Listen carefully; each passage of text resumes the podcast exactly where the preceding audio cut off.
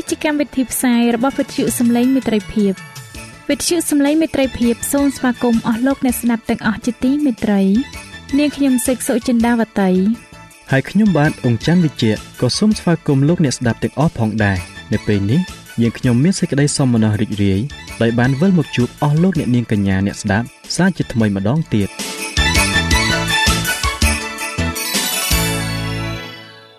ចា៎លោកអ្នកស្ដាប់ជាទីមេត្រី នាងខ្ញុំសូមគោរពអញ្ជើញអស់លោកលោកស្រីអ្នកនាងកញ្ញាតាមដានស្ដាប់កម្មវិធីផ្សាយរបស់វិទ្យុយើងខ្ញុំដូចតទៅ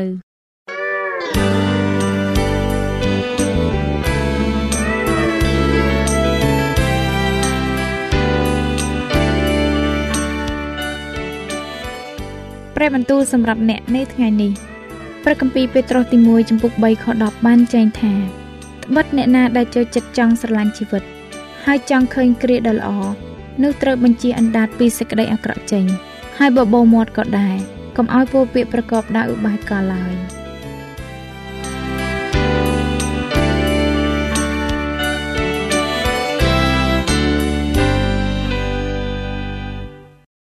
បាទខ្ញុំបាទសូមគោរពនិងជម្រាបសួរដល់អស់លោកអ្នក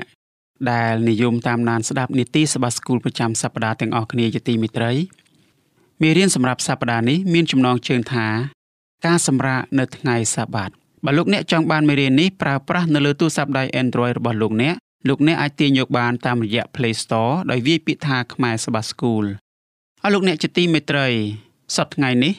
មនុស្សមកពីប្រទេសផ្សេងផ្សេងជាច្រើនជជែកគ្នាអំពីតម្រូវការរបស់មនុស្សឲ្យថែរក្សាភពផែនដីរបស់យើងជាអ្នកអត្តវន្តិតើយើងអាចធ្វើជាអ្នកគ្រប់គ្រងដ៏ល្អលើធម្មជាតិ និងភពផែនដីយើងនេះដោយរបៀបណា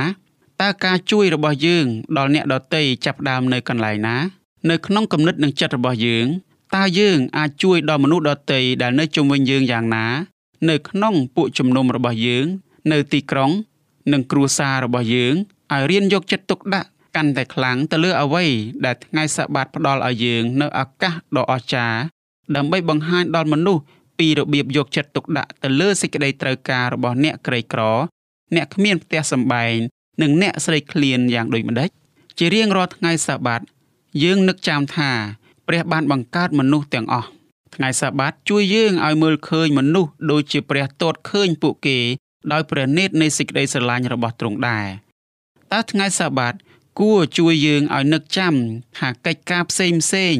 ដែលបំបែកក្រុមមនុស្ស មិនអំពុលអ្វីដល់ព្រះនេរបស់ព្រះយ៉ាងដូចម្ដេចតើការយល់នេះគួរជួយយើងឲ្យស្រឡាញ់ដល់មនុស្សកាន់តែខ្លាំងឡើងយ៉ាងណាដែរអស់លោកអ្នកជាទីមេត្រីគ្រីស្ទៀនផ្ដល់ហេតុផលជាច្រើន ពីមូលហេតុដែលយើងមិនចាំបាច់ត្រូវរក្សាថ្ងៃទី7ដែលជាថ្ងៃសបាតតទៅទៀតគ្រីស្ទៀនខ្លះនិយាយថាព្រះយេស៊ូវបានផ្លាស់ប្ដូរថ្ងៃសបាតទៅថ្ងៃអាទិត្យបាត់ទៅហើយឬក៏ ព្រះយេស៊ូវឬលោកប៉ុលបានលុបបំបត្តិថ្ងៃសាបាតគ្រីស្ទៀនខ្លះក៏និយាយថាមេដឹកនាំពួកជំនុំនៅក្នុងសម័យគម្ពីរសញ្ញាថ្មី បានជំនួសថ្ងៃទី7គឺជាថ្ងៃសាបាតមួយនៅថ្ងៃអាទិត្យវិញថ្ងៃអាទិត្យគឺជាថ្ងៃដែលព្រះយេស៊ូវមានប្រជញ្ញរស់ឡើងវិញហេតុផលថ្មីបំផុតសម្រាប់ការមិនរក្សាថ្ងៃសាបាតគឺចូលមកដោយសម្ងាត់ ដូច្នេះយើងប្រហែលជាពិបាកមើលឃើញថាគំនិតទាំងនេះមានគ្រោះថ្នាក់ណាស់គំនិតទាំងនេះមិនមែនពិតជាអាក្រក់ទេប៉ុន្តែមនុស្សប្រើគំនិតទាំងនេះនៅក្នុងផ្លូវខុសដើម្បីបញ្ជាក់អំពីការកុហករបស់ពួកគេឧទាហរណ៍មួយគឺគំនិតថាព្រះយេស៊ូវគឺជាការសម្រាកនៃថ្ងៃសបាតរបស់ពួកយើងដូច្នេះយើងមិនចាំបាច់ត្រូវការសម្រាកនៅថ្ងៃទី7ឬថ្ងៃណាមួយទៀតតលតែសោះឡើយ។ ប៉ុន្តែឥឡូវនេះគ្រីស្ទៀនជាច្រើនបានចាប់អារម្មណ៍ទៅនឹងថ្ងៃនៃការសម្រាកប្រកាសណាស់ពួកគេនិយាយថាថ្ងៃអាទិត្យគឺជាថ្ងៃសម្រាកដែលត្រឹមត្រូវឬពួកគេក៏និយាយថាព្រះមិនខ្វល់អំពីថ្ងៃដែលពួកគេរក្សានោះទេ យើងដឹងព្រះគម្ពីរបង្រៀនថាគំនិតទាំងនេះគឺខុសជាអ្នក Seven Day Adventist យើងយល់ថាច្បាប់របស់ព្រះបន្តជារៀងរហូតឥឡូវនេះ គ្រីស្ទៀនទាំងនេះកំពុងចាប់ផ្ដើមមើលឃើញថាថ្ងៃសម្រាកមានសារៈសំខាន់សប្តាហ៍នេះយើងនឹងក្រឡេកមើលបន្ថែមទៀតទៅឯការសម្រាកដែលព្រះបានប្រទានដល់យើងនៅក្នុងបញ្ញត្តិនៃថ្ងៃសាបាតយើងនឹងសិក្សាបន្ថែមទៀតអំពីមូលហេតុដែលការសម្រាកនេះមានសារៈសំខាន់ខ្លាំងដល់ជីវិតរបស់យើងបញ្ញត្តិទី4គឺជាបញ្ញត្តិតែមួយគត់ដែលចាប់ផ្ដើមជាមួយនឹងកិរិយាសព្ទនឹកចាំ បញ្ញត្តិទី4មិនបានប្រាប់យើងថាចូលនឹកចាំកុំឲ្យលួច ឬចូលនឹកចាំកុំសម្លាប់នោះទេ បញ្ញត្តិទី4ប្រាប់យើងឲ្យនឹកចាំពីថ្ងៃសាបាតពាក្យចូលនឹកចាំជួយឲ្យយើងគិតអំពីប្រវត្តិសាស្ត្រនិងកិច្ចការដែលបានកើតឡើងនៅក្នុងអតីតកាលដូច្នេះនៅពេលយើងនឹកចាំយើងភ្ជាប់ទំនាក់ទំនងជាមួយនឹងអតីតកាលបញ្ញត្តិទី4ជួយឲ្យយើងភ្ជាប់ទំនាក់ទំនងត្រឡប់ ទៅឯពេលវេលាដែលព្រះបានបង្កើតផ្ទៃមេឃនិងផែនដីក្នុងរវាង6ថ្ងៃ បន្ទាប់មកទ្រង់បានសម្រាកនៅថ្ងៃទី7នៅពេលយើងនឹកចាំថាព្រះបានបង្កើតរបស់សពសារពើ យើងក៏នឹកចាំផងដែរថាព្រះបានបង្កើតយើងមក យើងមិនមែនកើតចេញមកពីពពុះទឹកនោះទេ យើងជារូបចម្លងរបស់ព្រះ ព្រះមិនបានបង្កើតអ្វីៗផ្សេងទៀតជារូបចម្លងពីព្រះអង្គផ្ទាល់នោះទេ លើកលែងតែមនុស្សមួយតែប៉ុណ្ណោះមនុស្សយើងមានការខុសគ្នាដាច់ស្រឡះពីសត្វទាំងឡាយនៅលើភពផែនដីនេះមនុស្សយើងខុសគ្នាពីរបស់ផ្សេងផ្សេងទៀតដែលព្រះបានបង្កើតមកនៅពេលយើងនឹកឃើញថាព្រះបានបង្កើតផែនដីនេះយើងក៏នឹកចាំផងដែរថាព្រះបានបង្កើតយើងឲ្យទទួលខុសត្រូវនឹងថែរក្សាផែនដីនេះព្រះបានបង្កើតយើងឲ្យគ្រប់គ្រងលើរបស់ផ្សេងផ្សេងដែលព្រះបានបង្កើតមកព្រះបានដាក់យើងឲ្យទទួលខុសត្រូវ ចំពោះផែនដីនេះដូច្នេះយើងត្រូវតែថែរក្សាផែនដីនេះក្នុងរបៀបមួយដែលសរសើរដំកើងដល់ព្រះមែនហើយអំពើបាបបានធ្វើឲ្យរបស់គ្រប់ទាំងអស់បានច្របូកច្របល់ប៉ុន្តែផែនដីនេះជាកម្មសិទ្ធិរបស់ព្រះដូច្នេះយើងមិនត្រូវធ្វើឲ្យផែនដីឬមនុស្សលោកណាឈឺចាប់នោះឡើយមនុស្សភាគច្រើនតែងតែធ្វើឲ្យផែនដីនេះនិងមនុស្សដូចគ្នាឈឺចាប់ ប៉ុន្តែអាកប្បកិរិយាអាក្រក់របស់ពួកគេប្រឆាំងទាស់ទៅនឹងផែនការរបស់ព្រះ សម្រាប់មនុស្សនិងផែនដីនេះហើយលោកម៉ូសេបានសរសេរក្រឹតវិន័យ10ប្រការពីរដង ដំបូងនៅក្នុងព្រះគម្ពីរនិខាម៉ាណាំងហើយបានបន្តទៀតនៅក្នុងព្រះគម្ពីរចោទយកថា យើងឃើញថាបញ្ញត្តិថ្ងៃសបាតនៅក្នុងគម្ពីរនិខាម៉ាណាំងជួយឲ្យយើងគិតអំពីពេលដែលព្រះបានបង្កើតផែនដី ក្នុងគម្ពីរចោទយកថាលោកម៉ូសេនិយាយទៅកាន់សាសអ៊ីស្រាអែលអំពីពេល40ឆ្នាំ ដែលពួកគេបានចំណាយនៅក្នុងទីរហោស្ថាន បន្ទាប់មកគាត់បានផ្ដល់ក្រឹតវិន័យ10ប្រការឲ្យពួកគេម្ដងទៀតពេលនោះលោកម៉ូសេបានប្រាប់ដល់ពួកអ៊ីស្រាអែលឲ្យនឹកចាំពីថ្ងៃសាបាតសម្រាប់ហេតុផលមួយផ្សេងទៀតអស់លោកអ្នកជាទីមេត្រីថ្ងៃសាបាតគឺជាការអបអរសាទរចំពោះសេរីភាពរបស់យើងចេញពីអវ័យអវ័យគ្រប់យ៉ាង ដែលធ្វើឲ្យយើងคล้ายជាទាសករនៃអំពើបាប នៅថ្ងៃសាបាតយើងនឹកចាំថាព្រះប្រទានសេរីភាពដល់យើងព្រះប្រទានសេរីភាពនេះដល់យើងដោយឥតគិតថ្លៃយើងត្រូវតែទទួលយកអំណោយទានរបស់ព្រះនេះដោយសេចក្តីជំនឿថ្ងៃសាបាតក៏ជួយយើងឲ្យនឹកចាំផងដែរថាយើងមិនអាចសន្សំសេរីភាពចេញពីអំពើបាបដោយខ្លួនឯងបាននោះទេ យើងឃើញសេចក្តីពិតនៅក្នុងព្រះគម្ពីរនេះនៅក្នុង រឿងស្ដីអំពីកូនច្បងរបស់សាសអ៊ីស្រាអែលនៅពេលយប់មុនពេលដែលពួកគេចាក់ចេញពីស្រុកអេស៊ីបព្រោះកូនច្បងត្រូវបានជួយសង្គ្រោះដោយសារឈាមនៃកូនជៀមគេបានលាបឈាមនៃកូនជៀមនៅលើក្របទ្វារផ្ទះរបស់ពួកគេ នៅរសៀលមុនពេលដែលពួកគេបានចាក់ចេញពីប្រទេសអេស៊ីបដោយដែលមានចែងនៅក្នុងព្រះគម្ពីរនិខាម៉ាណាំងជំពូក12 ដូចគ្នានេះដែរឈាមនៃកូនជៀមជួយសង្គ្រោះយើងទាំងអស់គ្នាព្រះលោហិតរបស់ព្រះយេស៊ូវរំដោះយើងឲ្យមានសេរីភាពចេញពីអំពើបាបទាំងអស់ចូលក្រឡេកមើលទៅលើរបៀបដែលអ្នកនិពន្ធបានសរសេរព្រះគម្ពីរចោទយកថាជំពូក5ខ15ចូលនឹកចាំថាអ្នកជាទាសករនៅក្នុងប្រទេសអេស៊ីបព្រះយេស៊ូវជាព្រះនៃអ្នកបានលូកព្រះហស្ថនិងព្រះពេហុលើកសម្រេចរបស់ទ្រង់ ហើយបាននាំអ្នកចេញពីទីនោះមកព្រះគម្ពីរចោទយកថាជំពូក5ខ15នៅក្នុងខនេះលោកម៉ូសេជួយដល់បណ្ដាជនអ៊ីស្រាអែលឲ្យនឹកចាំម្ដងទៀតថា មានតែព្រះទេដែលជួយសង្គ្រោះពួកគេមកលើសពីនេះក៏មានមេរៀនសម្រាប់យើងជាគ្រិស្តបរិស័ទនៅពេលបច្ចុប្បន្ននេះផងដែរយើងបានសង្គ្រោះដោយសារតែព្រះយេស៊ូវមួយអង្គប៉ុណ្ណោះ បញ្ញត្តិនៃថ្ងៃសបាតប្រាប់យើងឲ្យសម្រាកនៅក្នុងសេចក្តីសុខសាន្តដែលព្រះយេស៊ូវបានសាងឡើងសម្រាប់យើងព្រះបានរំដោះយើងឲ្យមានសេរីភាពចេញពីអំពើបាបនិងចេញពីអកប្បកិរិយាឥតប្រយោជន៍នៃការព្យាយាមជួយសង្គ្រោះខ្លួនឯងថ្ងៃសាបាតជួយយើងឲ្យនឹកចាំថាព្រះបានបង្កើតយើងដូច្នេះយើងអាចទុកចិត្តឲ្យទ្រង់បង្កើតយើងជាថ្មីឡើងវិញដែរយើងអាចទុកចិត្តលើព្រះ ឲ្យរំដោះយើង ចេញពីអំពើបាបឥឡូវនេះប្រសិនបើយើងអនុញ្ញាតឲ្យទ្រង់ធ្វើដូច្នោះគឺទ្រង់ពិតជាអាចធ្វើបានមែន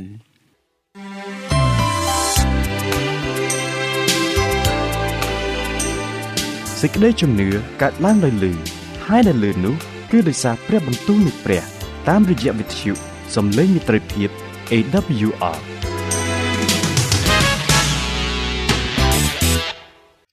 អរលោកអ្នកជាទីមេត្រី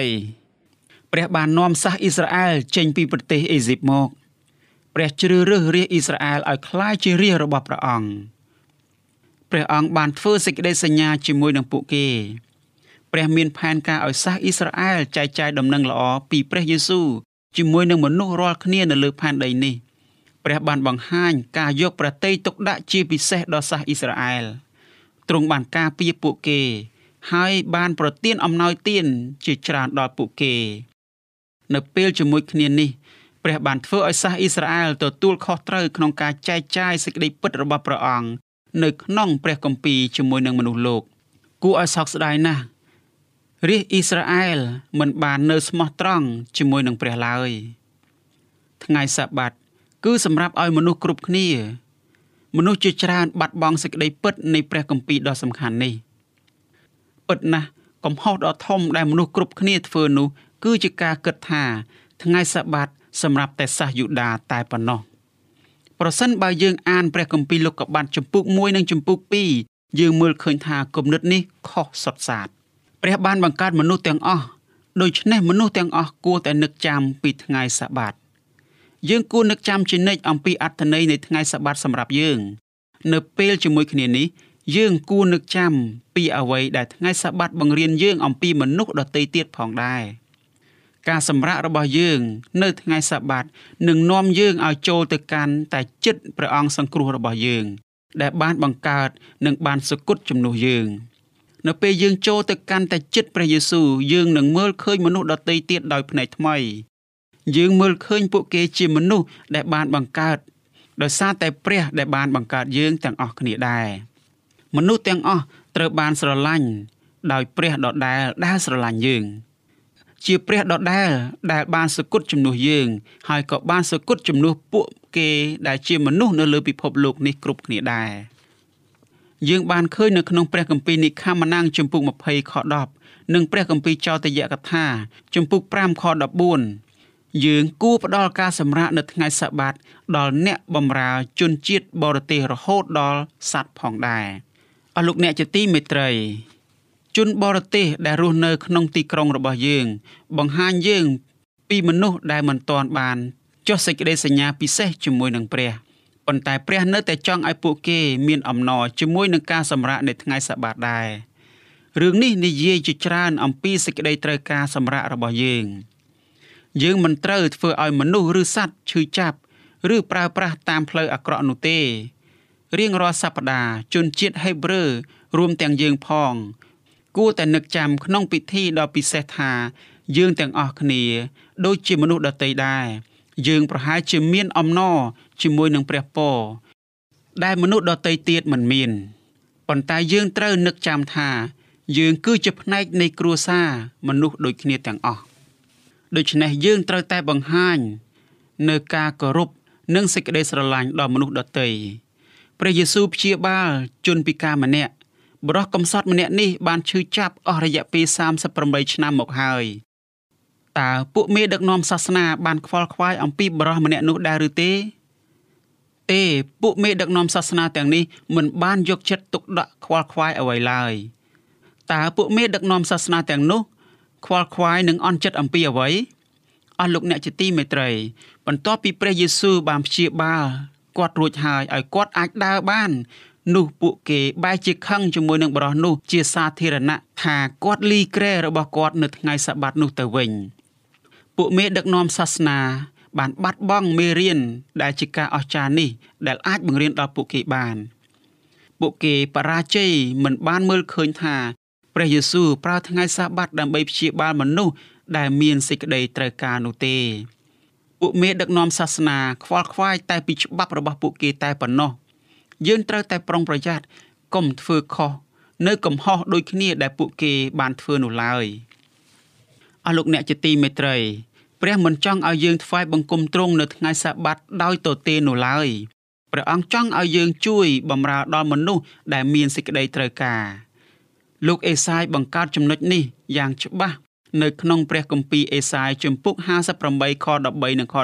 14កុំឲ្យធ្វើការនៅថ្ងៃសាបាតកុំឲ្យធ្វើតាមតែចិត្តដែលចង់នៅថ្ងៃបរិសុទ្ធកុំធ្វើឲ្យថ្ងៃសាបាតជាថ្ងៃដែលអ្នកអាចមានអំណរសូមលើកដំកើងថ្ងៃបរិសុទ្ធរបស់ព្រះយេហូវ៉ាសូមកុំធ្វើការនៅថ្ងៃនោះសូមកុំធ្វើការតាមតែចិត្តអ្នកចង់ឬពោលតែពាក្យរបស់ខ្លួនឡើយ គ្រានោះឯងនឹងបានចិត្តរីករាយក្នុងព្រះយេហូវ៉ាហើយអញនឹងបញ្ជិះឯងនៅលើទីដ៏ខ្ពស់នៃផែនដី ហើយនឹងចិញ្ចឹមឯងដោយមរតករបស់យ៉ាកុបជាអាយកោឯងត្បិតព្រះអស់នៃព្រះយេហូវ៉ាបានចេញវិចារហើយការស្វែងរកអំណរសម្រាប់ខ្លួនឯងក៏ដូចជាការបំពេញនៅថ្ងៃសបាតដែរនៅថ្ងៃសបាតព្រះអញ្ជើញយើងឲ្យយកចិត្តទុកដាក់ដល់សេចក្តីត្រូវការរបស់មនុស្សមនុស្សដែលគ្មានអ្នកណាគិតគូរ មនុស្សដែលកំពុងតែស្រេកឃ្លាននិងគ្មានសម្លៀកបំពាក់ថ្ងៃសបាតគួរតែជួយឲ្យយើងគិតអំពីសេចក្តីត្រូវការរបស់អ្នកដទៃខ្លាំងជាងសេចក្តីត្រូវការរបស់យើងលើសពីថ្ងៃណាណាទៀតទាំងអស់នៅក្នុងអំឡុងសង្គ្រាមលោកលើកទី2ប្រទេសអង់គ្លេសបានរំពឹងថានឹងមានការវាយប្រហារពីកងទ័ពអាល្លឺម៉ង់នៅពេលណាមួយជាក់ជាមិនខាន។កងទ័ពអង់គ្លេសបានរៀបចំការពារដែនកោះរបស់ខ្លួនអស់ពីសមត្ថភាពប្រកបណាស់ នៅក្នុងប្រទេសអង់គ្លេសផ្ដល់លទ្ធភាពឲ្យខ្មាំងសត្រូវសម្រេចផែនការរបស់ខ្លួនបានយ៉ាងលឿនដូច្នេះប្រជាជនអង់គ្លេសបានដាក់រនាំងបាំងផ្លូវសំខាន់សំខាន់ពួកមេដឹកនាំទាំងនោះចង់បំភ័យនិងបង្អាក់ដំណើររបស់សត្រូវដូច្នេះពួកមេដឹកនាំអង់គ្លេសបានដកយកសញ្ញានៅតាមផ្លូវនិងតាមអគារសំខាន់សំខាន់ចេញ។សញ្ញាទាំងនេះនៅតាមផ្លូវនិងតាមអគារសំខាន់សំខាន់ណាស់ សញ្ញាទាំងនោះជួយ ដឹកនាំយើង ហើយសញ្ញាទាំងនោះផ្ដល់ព័ត៌មានសំខាន់ដល់យើង អំពីថាតើយើងនៅទីណាហើយត្រូវធ្វើដំណើរទៅកាន់ទីណាផងដែរមុនមានកម្មវិធី GPS យើងបានប្រើផែនទីដើម្បីរកទិសដៅ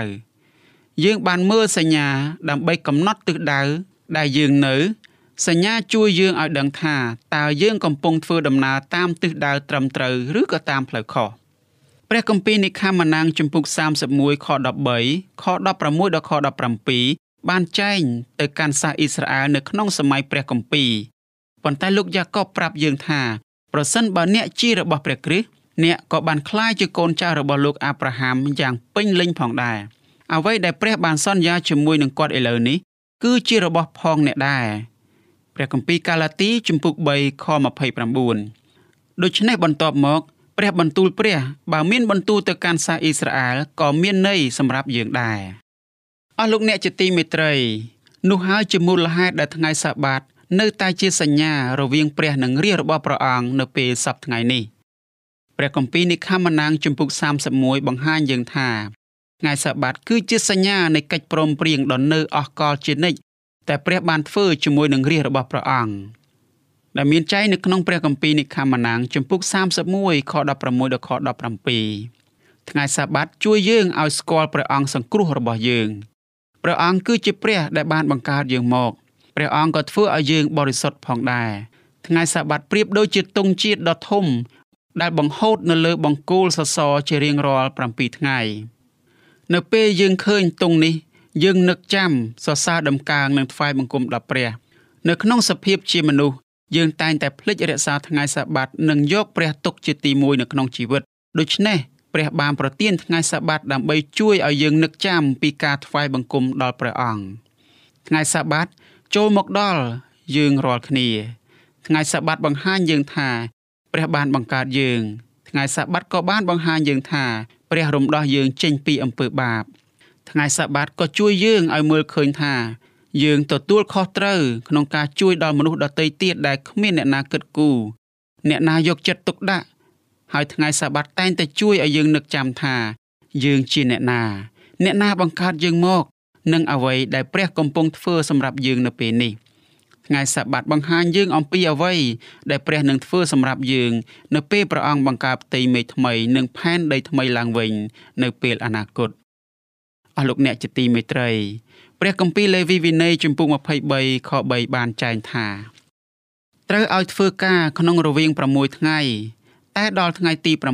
7នោះគឺជាថ្ងៃឈប់ឲ្យបានសម្រាកសម្រាប់ពួកជំនុំបរិសុទ្ធវិញមិនត្រូវឲ្យឯងរាល់គ្នាធ្វើការអ្វីនៅថ្ងៃនោះឡើយត្បិតជាថ្ងៃឈប់សម្រាករបស់ព្រះយេហូវ៉ានៅក្នុងគ្រប់ទាំងទីលំនៅរបស់ឯងរាល់គ្នាអស់លោកអ្នកជាទីមេត្រី តើអ្នកយល់យ៉ាងណា អំពីថ្ងៃសាបាតដែលទ្រង់បានបង្កើតឡើងសម្រាប់រាជរបស់ផងព្រះអង្គថ្ងៃសាបាតគឺជាថ្ងៃអស្ចារ្យដែលយើង គ្រប់គ្នាដែលជាមនុស្សជាតិចូលទៅជួបព្រះអង្គដើម្បីរំលឹកឡើងវិញនៅអំណាចក្នុងការបង្កបង្កើតនិងអំណាចនៃការសង្គ្រោះរបស់ព្រះជាម្ចាស់នៃយើងដូច្នេះសូមឲ្យអស់លោកអ្នកគ្រប់គ្នាបានចូលទៅកាន់ព្រះអង្គនៅថ្ងៃឈប់សម្រាកដែលជាថ្ងៃទី7នៃសប្តាហ៍នេះចុះ ត្បិតទ្រង់កំពុងតែរងចាំលោកអ្នកហើយ ក្នុងការនឹងប្រទានពរនិងផ្ដល់នូវកម្លាំងដល់អស់លោកអ្នកទាំងអស់គ្នាក្នុងការតយុទ្ធជាមួយនឹងការលំបាកជាច្រើននៅក្នុងជីវិតនៅពេលបច្ចុប្បន្ននេះសូមព្រះជាម្ចាស់ទ្រង់ប្រទានពរជាពិសេសផ្ដល់នូវកម្លាំងប្រាជ្ញានិងការយល់ដឹងអំពីសេចក្តីពិតថ្មីថ្មីបន្ថែមទៀតអំពីថ្ងៃទី7ដែលជាថ្ងៃឈប់សម្រាកដ៏ពិតរបស់ផងព្រះអង្គនេះប្រយោជន៍ឲ្យអស់លោកអ្នកបានដើរទៅលើផ្លូវត្រឹមត្រូវ និងមានទំនាក់ទំនងយ៉ាងជ្រាលជ្រៅជាមួយនឹងព្រះជាម្ចាស់នៅក្នុងជីវិតប្រចាំថ្ងៃសូមទ្រង់ប្រទានពរអាមែន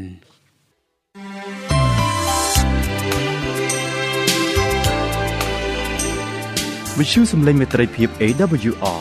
មានផ្សាយពីរដងក្នុងមួយថ្ងៃ គឺព្រឹកនៅម៉ោង6និងពេលយប់នៅម៉ោង8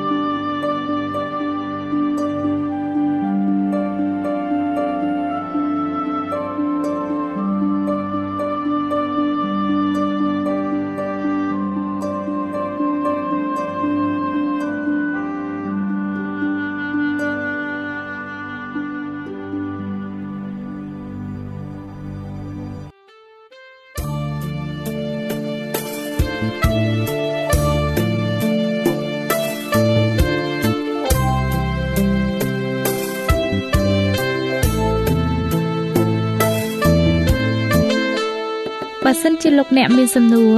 ឬសំណុំពរអ្វីសូមតាក់ទងមកការិយាល័យវិទ្យុយើងខ្ញុំ តាមអាស័យដ្ឋានផ្ទះលេខ15ផ្លូវលេខ568សង្កាត់បឹងកក់2ខណ្ឌទួលគោករាជធានីភ្នំពេញលោកអ្នកក៏អាចសរសេរសម្បត្តិផ្ញើមកយើងខ្ញុំ តាមរយៈប្រអប់សម្បត្តិលេខ488ភ្នំពេញឬតាមទូរស័ព្ទលេខ012 34 96 64ឬ097 80 81 060ឬក៏តាមរយៈអ៊ីមែល vol@awr.org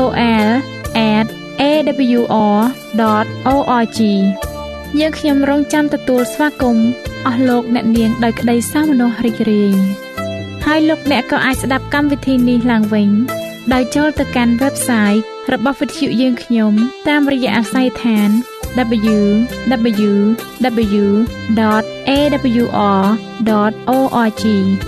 លោកអ្នកនាងកញ្ញាជាទីមេត្រី កម្មវិធីផ្សាយរបស់វិទ្យុសំឡេងមេត្រីភាពនៅពេលនេះសូមបញ្ចប់តែប៉ុណ្ណេះយើងខ្ញុំសូមអរគុណចំពោះការតាមដានស្ដាប់របស់អស់លោកអ្នកតាំងពីដើមរហូតដល់ចប់យើងខ្ញុំសូមជូនពរឲ្យអស់លោកអ្នកនាងកញ្ញាទាំងអស់បានចម្រើនឡើងក្នុងព្រះគុណព្រះអង្គម្ចាស់ ហើយក្នុងការទទួលយកព្រះយេស៊ូវគ្រីស្ទជាព្រះអង្គម្ចាស់និងជាព្រះអង្គសង្គ្រោះនៃយើងរាល់គ្នា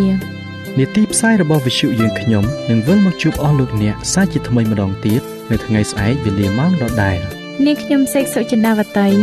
និងខ្ញុំបាទអ៊ំច័ន្ទវិជ្ជៈសូមអរគុណសូមជម្រាបលា